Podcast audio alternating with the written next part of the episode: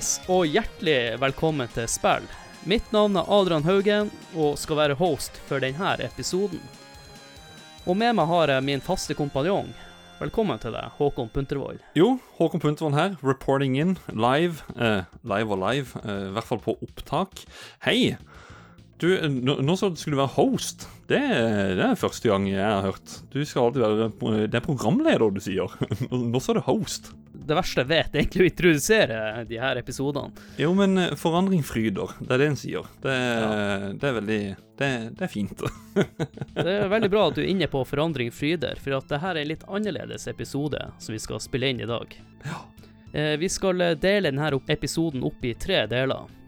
Hvor vi skal snakke om Castlevania-spillene som blir gitt ut på SNES og Sega Megadrive. Det er jo hele tre spill, det. Og episoden er jo, har vi kalt for Castlevania 16-bit. Men eh, det er en sannhet med modifikasjoner, for vi har jo Rondo of Bloods som blir ut på PC Engine.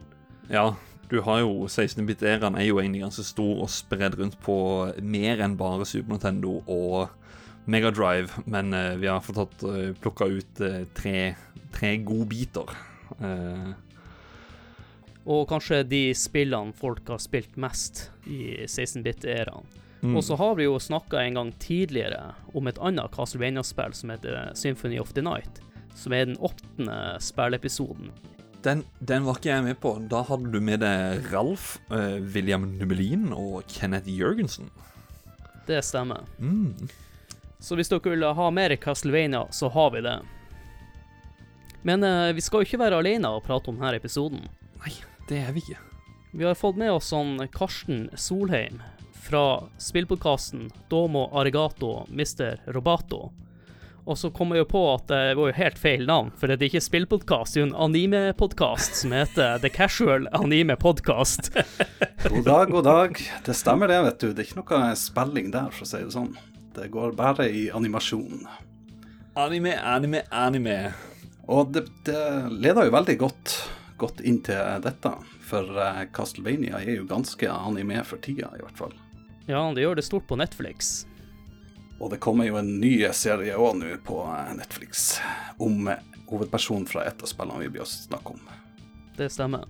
Men det kan jo hende under episoden her at vi blir å, kanskje å kalle det for martyrik, for du er jo også inne på vårt uh, spille-discord-samfunn. Det stemmer, det. Um, trives veldig godt der, for det er helt utrolige folk. Så det burde dere sjekke ut. Det er så deilig å høre. Det var jo veldig bra anbefaling. Ja. Takke, takke for det. Ja. Du var jo inne på eh, TV-serien som er ute nå. Hva er din relasjon til eh, de Castlevania-spillene vi skal snakke om i dag? Ja, jeg begynte jo selvfølgelig med Eller ikke selvfølgelig, men jeg begynte med Castlevania 4. Eh, For jeg er født i 88, og da er jeg jo litt for ung til Castlevania 1, 2, 3, egentlig.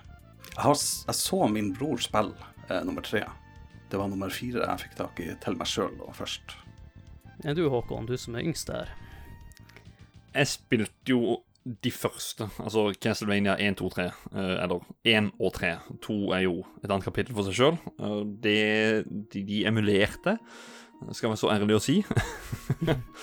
og så eh, så er det et annet spill i Castlevania-serien som jeg hadde hørt musikk ifra, som het Rondo of Blood. Og da fikk jeg høre om det ene spillet vi skal snakke om i dag, Vampires Kiss. At det var en port av det spillet til Super Nintendo. Så det er faktisk mitt første møte. Jeg visste om Super Castlevania 4, men det var noe jeg likte så godt med 1 og 3 at eh, det å hoppe over til Super Nintendo jeg, jeg, jeg, jeg tenkte ikke noe, eller brydde meg ikke noe særlig om det. Og så har jeg hørt så mye bra om Rondo of Blood at eh, Hm, Vampire Kiss? Tja, hvis det skal være samme greia, hvis det bare er en port, da hiver vi meg på det, da. Så det er mitt første møte ut av alle. Ja, det er jo et eh, veldig spesielt møte. Fordi Meget det, det er vel kanskje det siste spillet jeg har testa ut av de vi skal snakke om i dag. Uh, mitt uh, første møte med denne spillserien er jo det samme, eller samme opplevelsen som Martyrik har. Eh, Super Castlevania 4 var jo en ut av mine ti spill som jeg fikk til Super Nintendoen. Jeg husker faktisk, eh, når jeg var liten, så satt jeg og noen kompiser og prøvde å klare det her spillet, og det var ganske utfordrende til eh, hva vi var da, en åtte-ni år. Eh, Jeg husker at første gangen vi spilte, så kom vi oss til Medusa og klarte ikke å komme oss lenger enn det. Eller en dag, da, så var en kompis som jeg som heter Jørn, han eh, klarte faktisk å runde hele spillet her. Så jeg tok eh, Eller han eh, fikk tak i Eller han noterte jo ned de kodene da, som du får for hvert brett du klarer. Så jeg klarte han Dracula lenge før jeg klarte de andre bossene i spillet. Mange ut i siste. Det er ikke en ukjent ting da å bruke kode i disse spillene her. Det er jo, altså Passordsystemet er der for en grunn. Det er, Ja. det er vanskelige spill, alle sammen. Og det er jo litt av sjarmen, egentlig, med de her 16-bit-æra-spillene i Castlevania. Mm. Um, jeg husker jo Grunnen til at jeg fikk tak i det her spillet, er jo det at jeg hadde Super Nintendoen som jeg fikk i 1995, så jeg var jo ganske langt etter uh, de fleste. Du og Håkon fikk den sneit. Og um, um, jeg bodde i Bodø på denne tida, og så ble jeg bitten av en hund i uh, nærheten av tinningen. Og eh, som eh, det, var ingen, det var ikke noe alvorlig, eller noe sånt, jeg ble bare bitten i skinnet og har litt sånn arr på øyet. Men som da trøstepremie, ikke premie, men eh, trøstepris, så fikk jeg, fikk jeg vel med to snespill i butikken.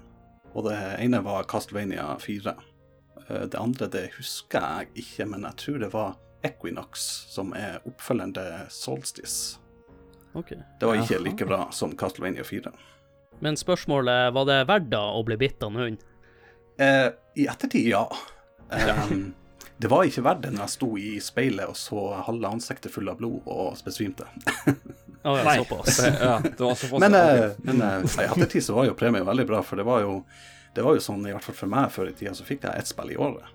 Eh, til Mm. Snes og PlayStation, eller PlayStation var kanskje to.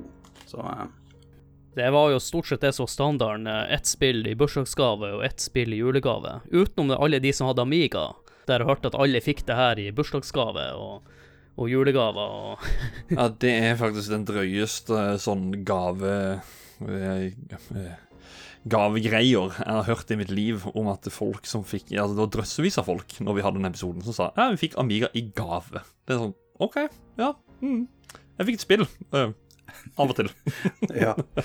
ja, nei, jeg kjenner, kjenner meg igjen i det. det Nå er det jo slik at uh, vi skal jo snakke om uh, Super Castlevania 4, Castlevania Bloodlines, det er Sega Mega Drive, og som han Håkon nevnte, Castlevania Vampire Kiss. Det spillet vi skal konsentrere oss om i den første delen her, er Super Castlevania, så da tenker jeg at vi bare kjører i gang.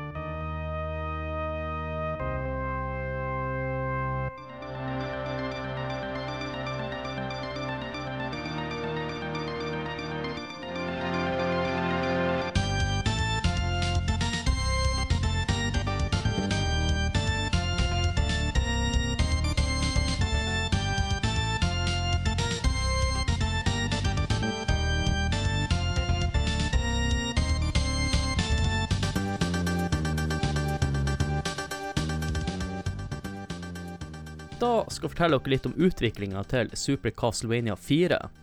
Det ble faktisk utvikla under samme periode som Castlevania 3. Og eh, skaperen av serien, han Hitoshi Akamatsu, han hadde allerede planene klar for Castlevania 3 og skulle jobbe på det prosjektet. Så derfor måtte Konami sette inn et nytt team for å jobbe med det nye spillet som skulle gis ut på den nye konsollen til Nintendo, kjent som Super Nintendo. Konami de var jo litt utradisjonelle når det kom til tildeling av nye prosjekter enn andre spillselskap. Der eh, Nintendo hadde egne dedikerte team for hver IP, så satt Konami det teamet som var ledig til å ta det neste planlagte prosjektet.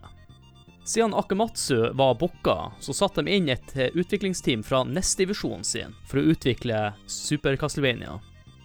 Og de flesteparten av de her hadde faktisk jobba med spillet Tiny Tune Adventures, som man trygt kan si er litt annerledes enn de spillene i Castlevania-serien.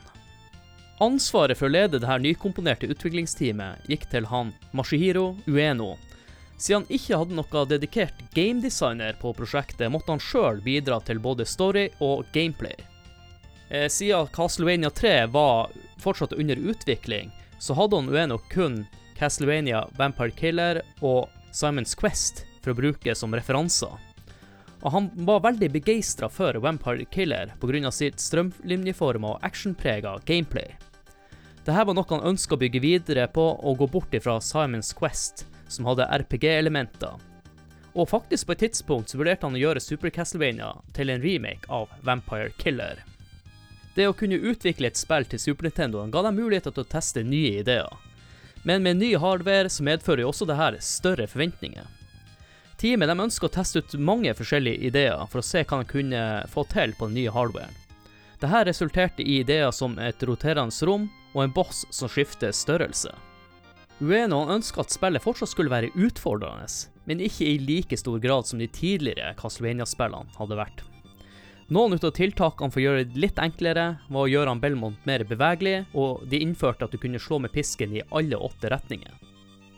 Opprinnelig så skulle Super Castlevania være på 4 megabit, men etter de implementerte alle de nye ideene og la til ekstra musikk, så endte de opp med et spill som var på hele 8 megabit. Det er faktisk det dobbelte av det som var tiltenkt. Spillet ble utgitt 31.10.1991 i Japan, og i Nord-Amerika 4.12.1991. Vi fikk det først i 23.11.1992. Det er faktisk dagen før min sjuårsdag. Og ordet super i tittelen var noe som ble lagt inn på slutten av utviklinga. Dette var for å knytte spillet opp mot Super Nintendoen. Eh, spillet heter faktisk det samme eh, i Japan som det første spillet, og der tittelen er Akumayo Dracula. Og da må jeg jo bare spørre deg, Håkon, og du, Karsten, at eh, var det noe jeg sa nå som var nytt for dere? Eller er det noe dere har lyst til å nevne som jeg ikke har nevnt? Ja, altså Det var jo veldig mye interessant her i, i denne spalten. Og uh, han godeste Ueno, som er produser, og uh, han ble jo gift under produksjonen av dette spillet med en coworker som jobba i samme selskap, da, Konami. Vet du om de er fortsatt gift, eller det er litt awkward hvis du går ifra hverandre? nei, det, altså, nå dater jeg podkasten, men ja, nei, usikker på den. Men ellers var alt kjent? Ja, veldig kjent for meg i hvert fall, men det er litt eh, interessant det du nevner med han eh, Hitoshi Akamatsu. Han eh, hadde drev på med Castlevania 3, og etter det så ble han jo borte. Og det er jo ingen som har uh, sett noe til han. Det kan jeg forklare veldig godt, fordi at mens jeg gjorde research i episoden, så fant jeg litt ut av arbeidskulturen til Konami. Uh, nå er det jo sånn at eh, Castlevania 3, hvis jeg ikke tar helt feil, floppa litt. I, I, hvert fall i Japan. Konami er, var jo, eller er fortsatt, et veldig sånn eh, Hva skal jeg si, sånn kapitalstyrt og eh, folk i uh, blå skjorte som sitter øverst på toppen og Så de uh, gir ikke folk så mange sjanser. Så Nei. hvis du bomma med en stor tittel, så ble du bare forskjøvet til mindre anerkjente prosjekter og skvisa litt ut. De fikk jo heller ikke lov å vise ansiktene sine i intervju for eh, redsel for å bli headhunta til et annet selskap. Og, eh, og det samme med eh, veldig vanskelig å finne navnene til de som eh, lager eh, spill. Ja, det var vel ikke bare Konami som opp, eh, opptredde på den måten. Det var jo flere som opererte med aliaser, sånn som jeg nevnte i en Resident Evil-episode. Så det var veldig normalt på den tida. Som jeg syns er litt spesielt med å gjøre denne researchen her, er jo at de ikke brydde seg så mye om de tidligere timene som hadde jobba med de store titlene deres. At de henta noen som jobber med Tiny Tunes Adventures. Som yes. et helt annet spill, og så bare her, dere skal lage Super Castlevania, et veldig viktig spill for oss. Det var egentlig det jeg hadde lyst til å starte hele min greie med å si. Tiny Tune Adventures til NES. Altså, det er et sånn uh, Det er ikke en hidden gem, men det er en, det er en gem i, i NES-æraen. Og at uh, det var en stor gjeng fra teamet som lagde det spillet der, som lagde Castlevania-spill. Altså, bare, bare, bare, høre at de, de, har vært en fot innenfor Castlevania. Altså, ha, hallo. uh, siste faktaen du sa, det er litt sånn med det med super. At de la inn super i tittelen. Jeg syns faktisk dette spillet her har den teiteste tittelen. Altså Super Castlevania. Det er så super. Det er så Og så har de også lagt til fire på slutten. Ja, Castlevania. Castle, Castle, det er Transylvania, det er vampyrer, men her kommer det nye spillet. Super Castlevania. Hæ? Fire. Fire. Ja, ja. Ja. Fire. Og det er det som er at de, at de ikke bare tok bort fire. For det er jo en gjenfortelling av første Castlevania. Men de kunne kanskje tatt vekk Super òg, selv om at de, de gjorde det vel i all hovedsak som de har gjort med Nintendo 64 nå, så kalte alle spillene sine for Mario 64, Mario Kart 64, Doom 64. Så legger de inn Super fordi Super Castlevania, Super Soccer, Super Tennis Det, det er super på grunn av systemet. Castlevania 64 kan vi jo nevne. Ja, ja, ja. Det også. Det er ingen favoritt. Jeg vet det er din. Men du var inne på noe her, eh, Karsten, med at uh, du sa at det her var en uh, refortelling.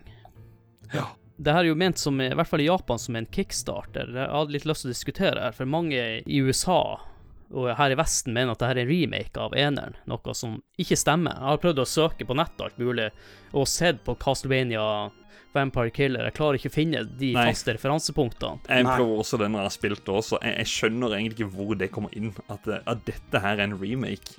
De ønsker jo å kickstarte serien også for de, de nye spillerne.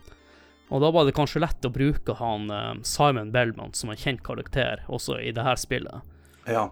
Og så var det litt kanskje vise, vise spillet i eh, en ny eh, dimensjon, eller ikke dimensjon, men eh, du er liksom kommet på Super Nintendo. Du, eh, Ja. du kan gjøre de tingene du ikke, ikke kunne gjøre før. Uh, dette er liksom Castlevania. Dette her er jo altså det, uh, Første vanlige Castlevania er jo Du er Simon Belmont, du er som fisk, oppgraderer, får noen side weapons, og så skal du gå ifra der til der.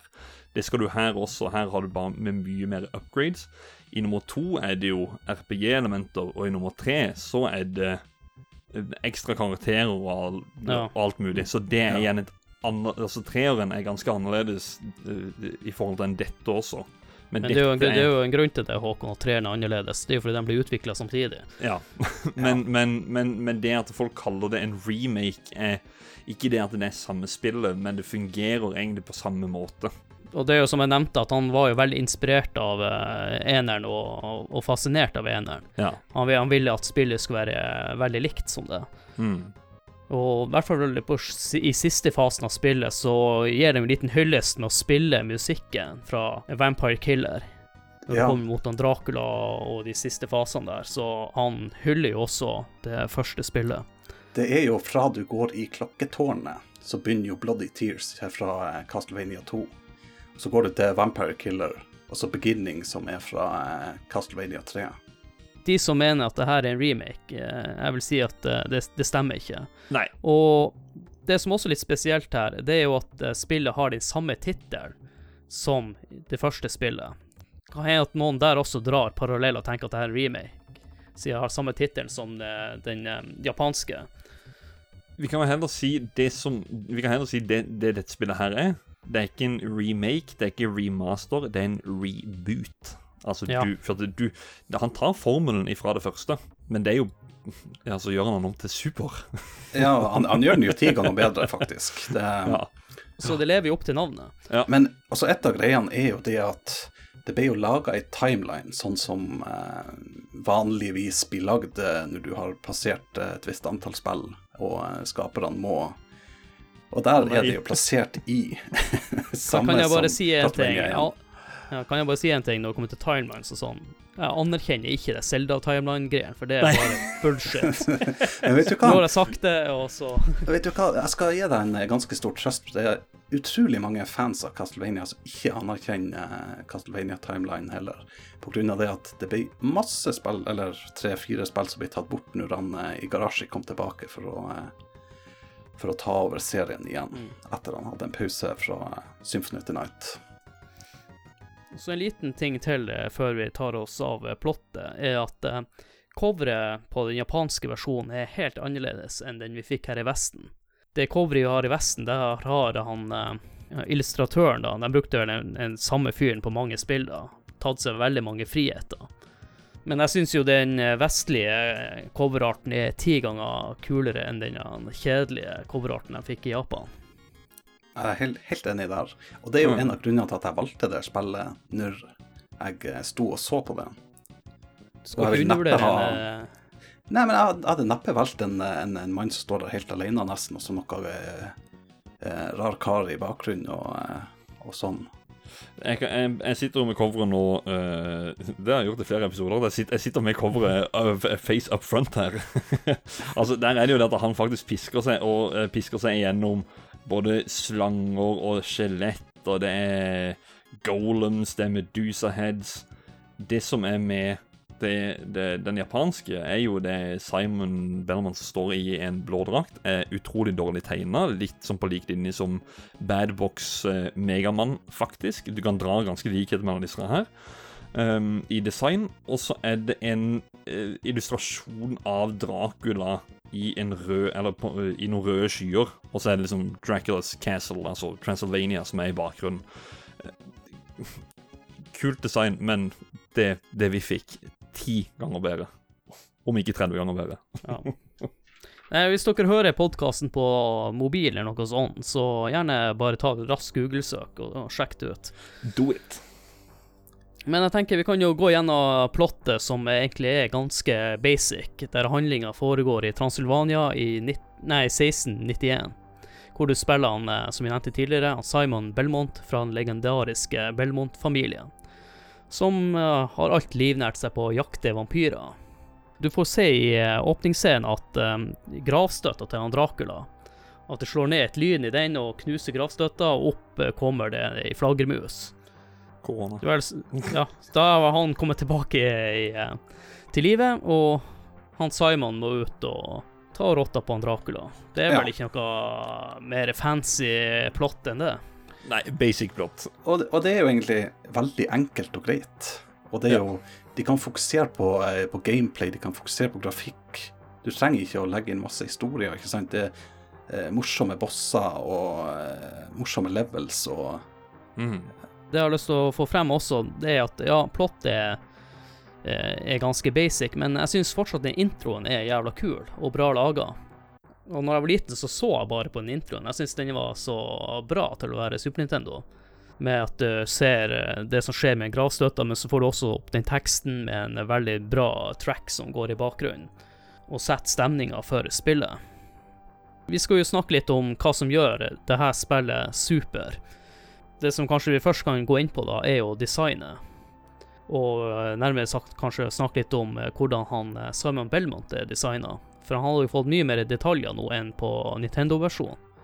Og jeg husker en gang eh, noen som snakka om noen hestemuskler i eh, Red Dead Redemption for eh, ca. ti år siden. Men jeg la merke nå når jeg spilte spillet, at dæven, han har noen gode skøytelår. Han klarer å ta noe, noe i eh, markløftene, den karen her, og beinpress. Han har, han har utvikla seg en del fra Castlevania 1, for å si det sånn. Ja, han har Det- tatt litt ro eh, roids, Ja. ser det ut som. I hvert fall beina. Overkroppen har han ikke trent like mye. Nei, Det er hodet er liksom halvparten av det lårene er. Eller ett av lårene. Låret er two sides of the head. Og så har han jo god ventilasjon til å fjerne pungsvetter, med at han har bare en sånn kilt. Mm. Det er jo Det, det er jo litt Ganske interessant. praktisk. Ja, det er jo litt Ja. interessant egentlig å, å, å, å bruke det eh, designet da på karakteren. Når du Ja. vanligvis ville hatt det i buksa eller, eller et eller annet. Ja. Det skal jeg si, altså Det, det klesvalget altså, Nå er det veldig interessant at vi velger også å snakke om, om klesvalget her. Ja. Hallo, hjertelig velkommen til Carlings. Du, skal dine handle tøy, eller? um, det er um, Jeg syns faktisk tøyet til Simon Belmont er Nei. Uh, det, det, det Ja. Det Jeg tenker stikk motsatte. Han, han klarer å se kul ut i den kilten. Mm, Ja Det, jeg syns det passer inn ja, med den medieval Men Ja. eh, nå er jeg jo litt historieinteressert, da, så i 1691 er kanskje litt eh, Han er nok 200 år eh, seint ute når det kommer til moten. Men- Nei, vi kan ikke bare prate om eh, de klærne. Det er jo ikke det som var meninga heller. Det er jo fashion. Nei da. Nei, men de hadde jo mye detaljer, altså i bakgrunnen i spillet her. Mm. Jeg tror i hvert fall det er en stage der du ser et sånt svært skjeletthode i starten i bakgrunnen, der det flyr ut to flaggermuser. Det er sånne detaljer ikke jeg har lagt merke til for i ettertid. Det er rundt når du hopper på brua, som eh, blir heist opp når spillet Ja. Ja, liksom, liksom ei intro-intro. Uh, at du bare skal bevege deg mot den porten som lukker seg. At du er på vei til. eh, Det er jo det vi kaller for treningsområdet i Castlevania-serien. Eh, Ja, du begynner alltid rolig, og det er utrolig godt egentlig at et spill gjør det sånn, for at du, du får liksom tid å teste ut eh, diverse ting utenom super- eller subvåpen og, eh, og sånne ting. Så får du jo testa pisken og hopping og, og slå Mm. lysene og, og alt sånt, men, men eh, så kan du se grafikken, ikke sant. Når, når du kommer forbi den brua, og så kommer til der gitteren kommer opp, og du hører den musikken begynne å spille. Vet du, jeg, får gåsehud hver gang, uansett. Eh, hver gang jeg starter opp spillet og jeg kommer dit. Det, det sånn her eh, Det kan ha noe fra barndommen, men, men det er helt magisk. Og grafikken der er jo også helt super. Du, du viser at du kan gå på begge sidene av det gjerdet, det var liksom samme de gjorde i Super Mario World, var det ikke det? Ja. Jo. Kan jeg, kan jeg bare si med eh, det som jeg fortalte introvis, da, så er det jo det at jeg hadde Vampire Kiss som mitt første eh, Castlevania-spill på Super Nintendo. Eh, emulert, selvfølgelig. Eh, det, når jeg da prøvde dette her mange år etterpå, så var jeg sånn Når musikken begynte der, og jeg kontrollerte meg bort og kunne gå bak gjerdet, det er bare Hva er det som har gjort at jeg ikke har spilt dette her? Hva er det egentlig jeg har venta på? Det spillet her er jo ren magi. Og det jeg syns er litt kult med spillet, det er at de prøvde faktisk alt mulig som var mulig å få til med den hardwaren. Mm. Som Martyrik nevnte, med at du også kunne bevege deg i bakgrunnen. Du har uh, det roterende rommet, som jeg syns er veldig kult. Og så har du en effekt etterpå igjen, der eh, rommet også roterer på en annen måte. Det er jo såkalte Mode 7-effekten som vi snakker om i Turtles-episoden, hvor de tar ett lag og legger inn eh, de, de endrer på både Y- og X-aksen, som gjør at du kan få dybde på det. Det er ja, eh, avansert, men enkelt å forstå. Og så bruker de den skyggefunksjonen som er nevnt i Zelda-episoden, A Link to the Past. De bruker alt som var mulig. Ja, og, og det er jo veldig, eh, veldig spesielt, egentlig, for det er jo et veldig tidlig spill i eh, konsollgenerasjonen. De har jo liksom gjort alt riktig. Det, altså, nå er det jo litt legg når du hopper i det roterende rommet, men altså, herregud, det er jo eh, det er jo veldig mange spill som kom ett og to og tre år etter, som var enda verre eh, under eh, dårligere eh, effekter fra Mode 7. klarer du å se på spillet at det er en av de første Super Nintendo-spillene, for det, pikslene er litt større enn kanskje litt senere spill. eh. Det jeg også synes er veldig bra med spillet her, er at alle banene er så forskjellige. Det er forskjellige fargepaletter på banene. Du får en god variasjon i områder, Ja, som kanskje ikke moderne spill er like flink på. Men her eh, har du alt mulig. Der kan jeg jo si når du sier farge. Eh, fordi vi snakker om dette med forskjell på eh, Altså, disse spillene her Castlevania er jo egentlig det, det er Dracula. Det er jo vampyr som spiser folk, eller som, som tygger på folk. Det skal komme blod. Det gjorde de ikke her i Europa. Eh, vi Det er på bane åtte, tror jeg, i dette spillet, hvor det er grønt slim. Om jeg husker rett. Eh, Jeg er litt usikker om det er bane åtte, men det er, det er i hvert fall en slimbane hvor det er grønt. Dette her var det vi fikk. I den japanske versjonen så er alt sammen rødt. Det er blod. Eh, spillet var jo sensurert til de grader her i Ja. eh, Europa kontra Japan. Og eh, den første gangen jeg spilte dette her, det var faktisk på en sånn eh, Eller på den japanske versjonen. Som jeg hadde fått en eh, cartridge av. Og eh, testa dette her, og kameraten min som jeg satt og spilte sammen med, han bare Hæ? Men denne banen skal jo være grønn. Jeg bare Hæ, ja, hva, hva da for noe? Ja. Nei, nei, nei, det skal være slim. Det skal ikke være blod. Jeg bare Å, ja, kult. Så det er ikke noe slim, ingenting eh, eh, Sensur av f.eks. Eh, religiøse ting. Det, det er et det i dette spillet her, men eh, Nei da, sensurert det i Europa. De fjerna jo f.eks. i introen Du Det er noe kors og ja, bilder av Jesus og sånt som fjerner fjerna bort. Og alt sånn kristen eh, Ja, og de kaller jo til og med den her eh, cross Det kaller de jo for bumerang i manualene. jeg, Og jeg kaller den for bumerang. Ja, altså Vi får jo høre det seinere, bumeranggreia. Det går jo igjen. Ja. Um, Den vil nok bli nevnt i alle episodene, for det er det beste subvåpenet i Castlevania-serien. ja, Av og til. av og til. Av Um, og til. Men når vi er inne på subåpen, sånn, så må vi snakke litt om eh, de endringene eh, på spillkontroll. Ja. Hvor du kan slå pisken i alle åtte retninger, og i tillegg så har du en eh, modus der du bare kan kontrollere pisken, men gjør mye mindre skade. Du kan bruke det som et skjold, ja, du har en uh, slapp pisk, for å si det sånn. og en stiv pisk. ja. Um, Hei. Det er ikke lov til å si Ja, ja, moving on. Eh, Det er jo litt eh, interessant. Det er jo eh, Hvis du holder pisken slapp foran deg, og en fiende ser et skjelett kommer springende mot deg, så tar den jo fremdeles skade av pisken, fordi det er Mm. Morningstar. Det er jo eh, dødelig for eh, Creatures of the Night. Du kan jo gjøre det her med den, den første pisk, eh, eller kun med Morningstar, som jeg syns er et jævla kult navn på en pisk. Jeg tror det er kun med Morningstar, med oppgradering nummer tre. Vi snakka om spillkontroll, og når du oppgraderer pisken, så, får du jo, så dropper det jo ned noe fra de her lysene som eh, eh, Candlelight som, eh, som du slår. Og det ser ikke ut som noe eh, pisketing. Det skal jo forestille en kniv med to slanger, men det ser ut som ei lyskrone. Ja. Mm. Eh, Det er klart, de har jo sine restriksjoner på hardwaren og sånn, men eh, eh, Men symbolet er faktisk likt som i eneren. Ja. Ja, for det er vel i Castlevania 3, tror jeg. Der har du bilde av en pisk.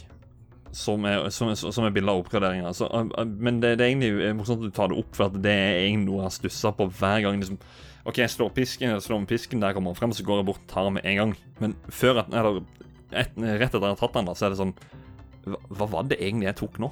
Ja, jeg Ja, vet det er en pisk upgrade, men, eller det, er- det, er en, det er en upgrade til pisken, men, men hva var den tingen egentlig? Det, det er jo ikke så lett å se at det, at det er det det er. Men eh, det er klart eh, hardwaren sin begrensning gjør jo det at de ikke kan gjøre det på noen annen måte. Ulempen vil det si med å kunne slå pisken i åtte retninger, er at eh, subvåpnene blir ikke like mye brukt. Og det la jeg merke til sjøl når jeg spilte gjennom det nå. Du har nesten ikke behov for subvåpnene. Eneste jeg brukte, var på noen bosser.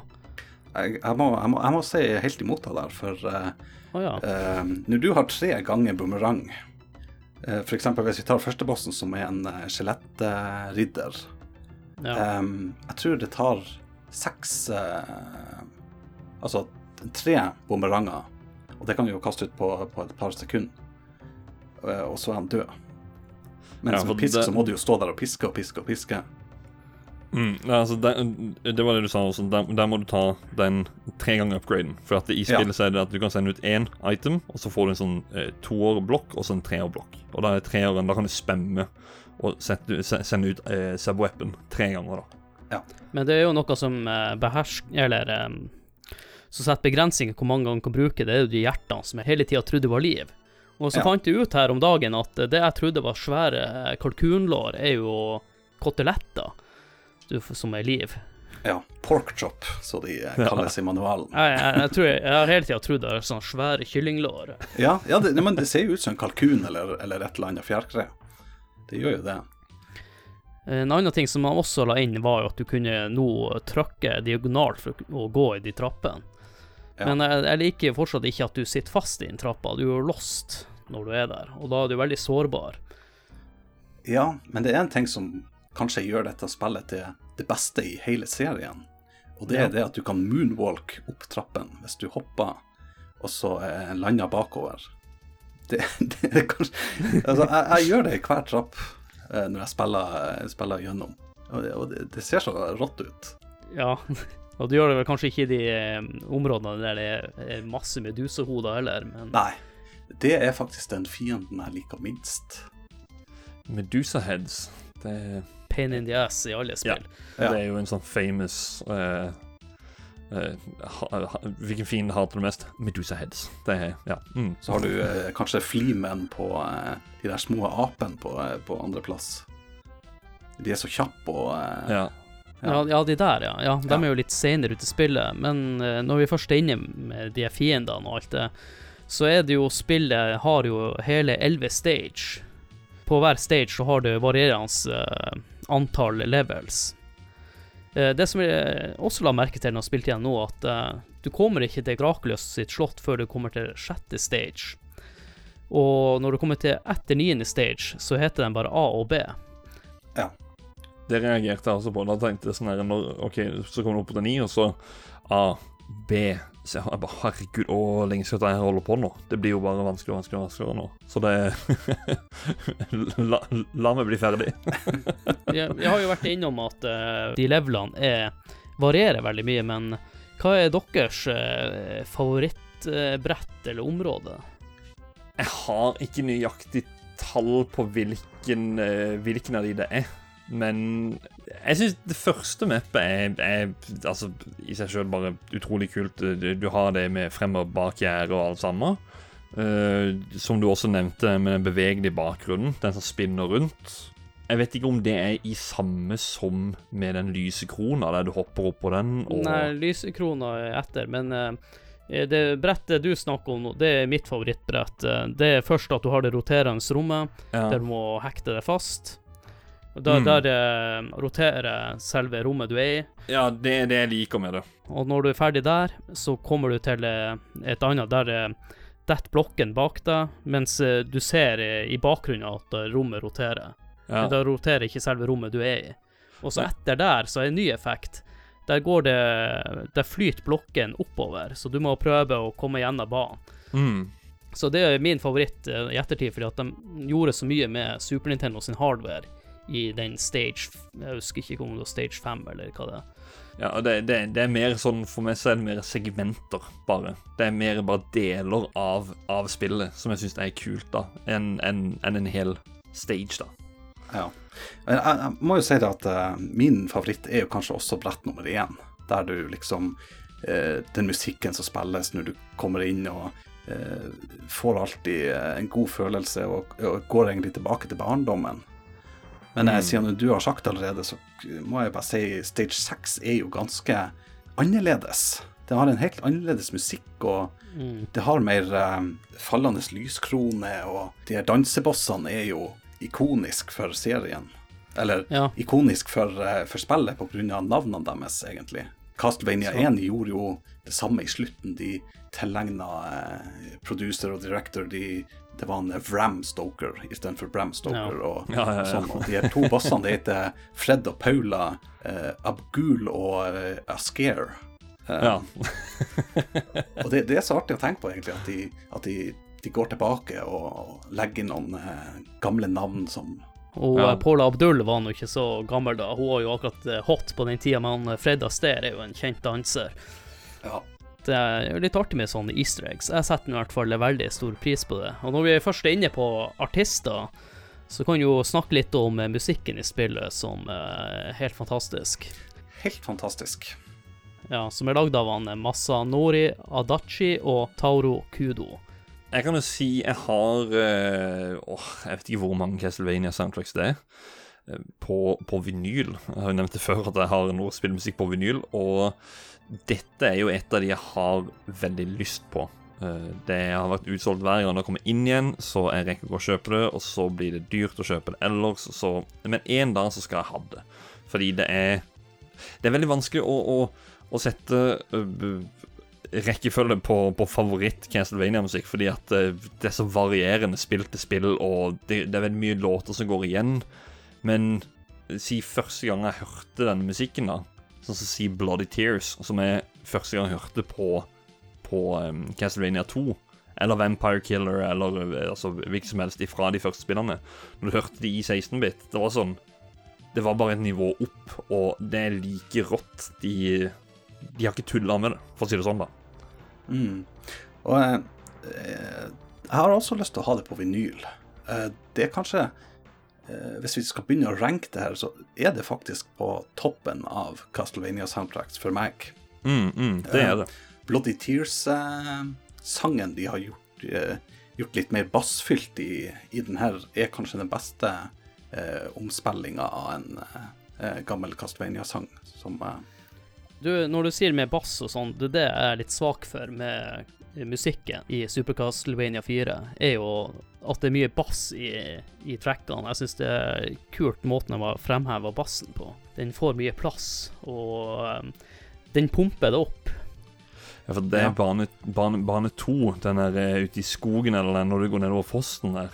Ja. Du, Du, eh, går, går langs en elv. Da, da er det jo sånn det, det, det, det, er bare Det er den der lave basslyden hele tida. Så kommer en bitte liten lav eh, Jeg vet ikke om jeg skal kalle det for synt eller eh, fløyte, eller hva det er for noe i bakgrunnen, der, som er eh, det, er absolutt ikke samle, altså det, det, Jeg kan ikke sammenligne det til noe annen musikk på Super Nintendo som jeg liker, men det er bare noe sett og så stemning at det Ja, det er perfect.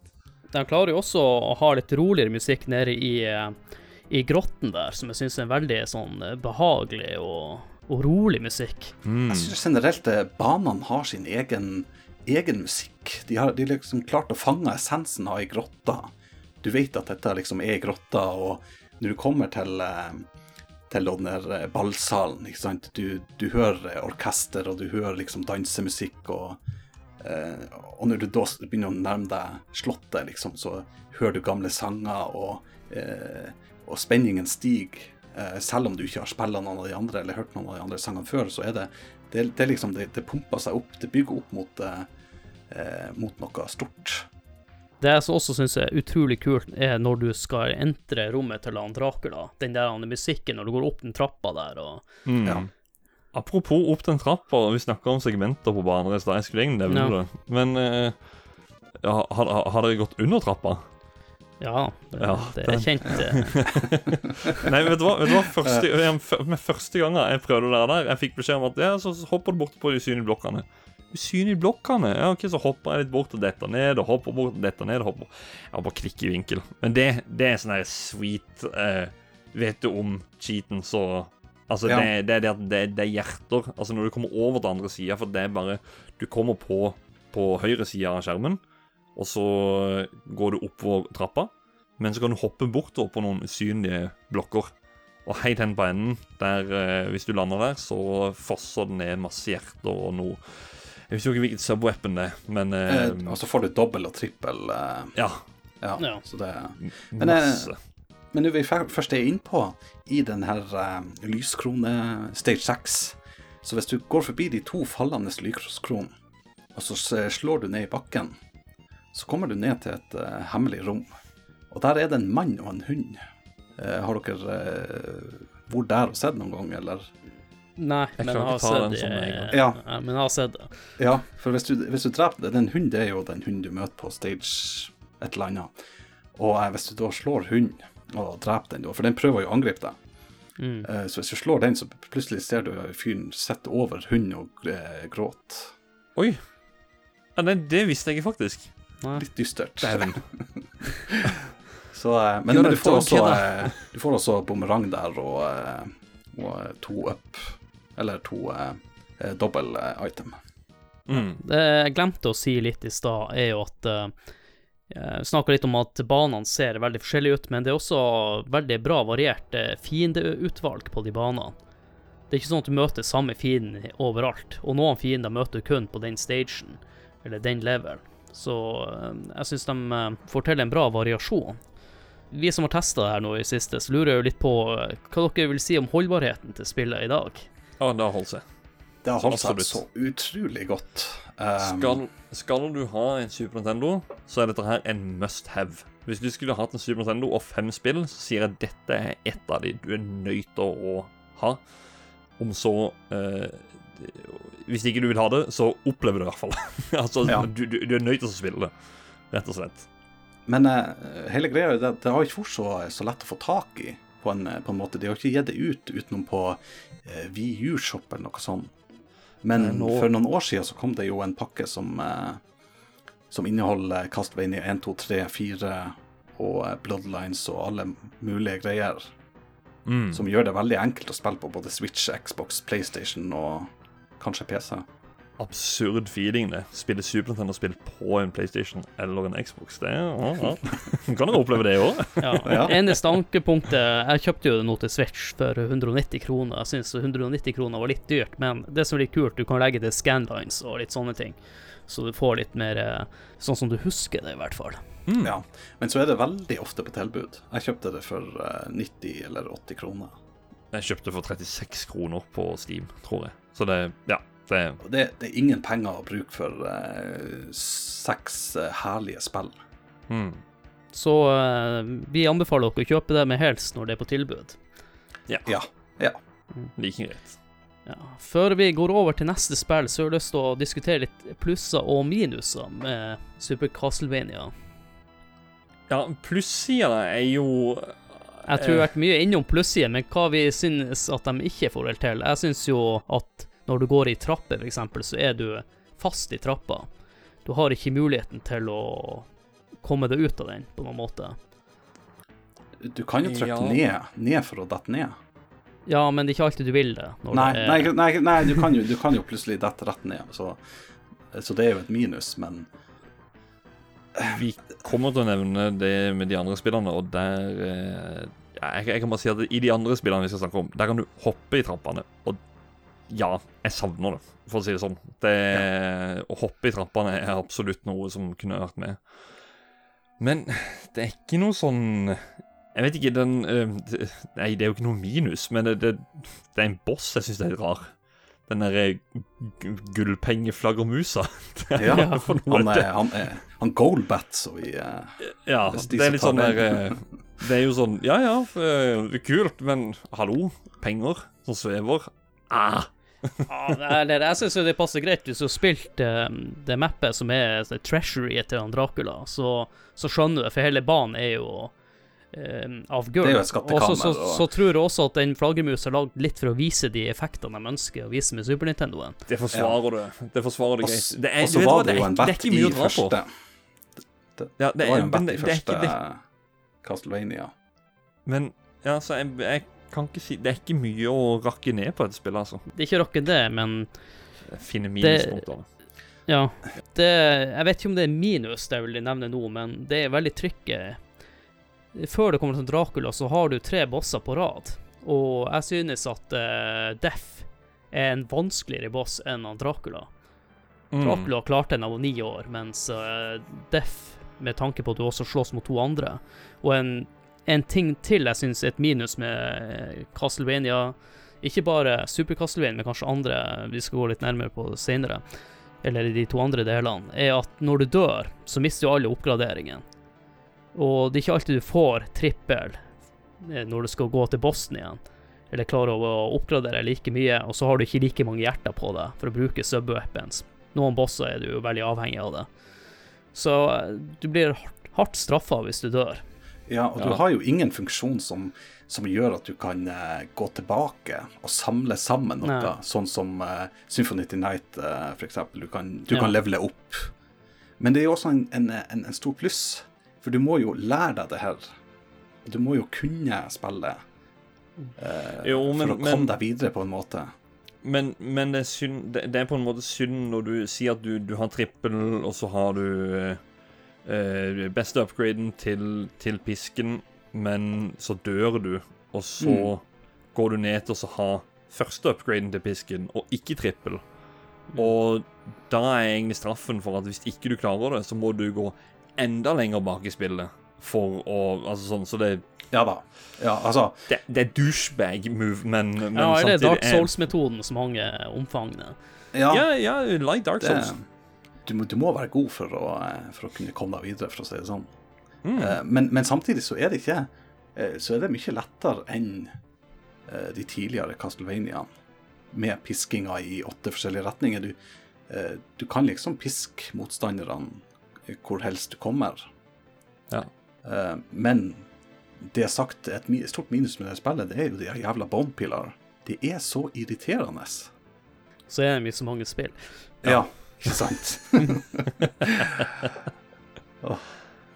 Men er det noe mer vi har lyst til å snakke om før vi sier oss ferdig med denne delen? Nei, jeg, jeg, jeg prøver å tenke frem noe, men det er, det er så lite å ta, ta i her at det er Ja. Det går jo an å nevnes at det er jo utrolig mange ideer som ikke kom med òg. Uh, eksempel Ja. eh, Waterway eh, Stage 2. Så skulle det jo egentlig være en kano, du, eh, eller en sånn raft, så du skulle Ja. flyte på og styre. Takk for at de ikke la inn det. Ja, takk for det, men, de hadde jo ikke tid. Men det er jo også en, en stage som viser litt hvor god kontroll de hadde, fordi eh, vannet gikk forskjellig vei hver eh, litt RNG-aktig. Han bytter retning, men eh, når vi først er inne på sånne ting, så glemte jeg å nevne i stad, du har jo en, en sånn svær steinboss som eh, når du slår på han, så blir han bare mindre og mindre og mindre, som var en av de ideene jeg nevnte. Eh, Det jeg ikke nevnte, er at den bossen egentlig var tiltenkt mye nærmere, nei, tidligere i spillet, og du kan jo gjette sjøl, Bartyri, hvor du tror han egentlig passer inn. Han passer jo inn der i, i stage 3, Ja, I grotta. i grotta. Ja, for du har jo fiender der som er på ja, likedan som han, da. Mm. Så det er en boss som de flytta litt eh, ja, rekkefølgen på, da. Men det er jo en, eh, en mot 7-effekt, så de har eh, Er det ikke det? Jeg er litt usikker. Du slåss egentlig mot bakgrunnen. Ja. Jeg, jeg mener det skal være en mot 7-effekt. Uh, og så leste jeg noe interessant på Wikipedia da, før, uh, før vi starta. Dette var det første spillet som tok i bruk mot 7-effekt. Det kan jeg altså, ikke bekrefte eller uh, ubekrefte. Nei, jeg er litt usikker der. Det er nå i hvert fall det første Castlevania, kan vi jo si uten. Så ror vi oss litt i land med den. Ja, Jeg skal- vi ror oss der. Så eh, Jeg tror jeg skal arrestere han. Skal jeg bare si uh, F-Zero var launch-tittel til konsollen, og hadde 7. Ja. men, men det er et av de første. Når vi først er å snakke om eh, litt andre spill, så vil jeg bare si eh, tusen takk for at du var med, Martyrik, eller Karsten, da, som du heter egentlig. For at du var med på del én. tusen takk for at jeg fikk være med. Det var kjempehyggelig å eh, prate spill med dere guttene. Ja, og takk for du også ble med på del én, Håkon. Jo, takk, takk. Selv takk for at du er med på del 1. Dette er gøy. Nå skal vi over på del 2. Ja, så kan jeg informere at alle sammen her blir å være med på del to, hvor vi blir å snakke om Castlevania Bloodlines. Vi snakkes. Vi snakes. Hei, hei.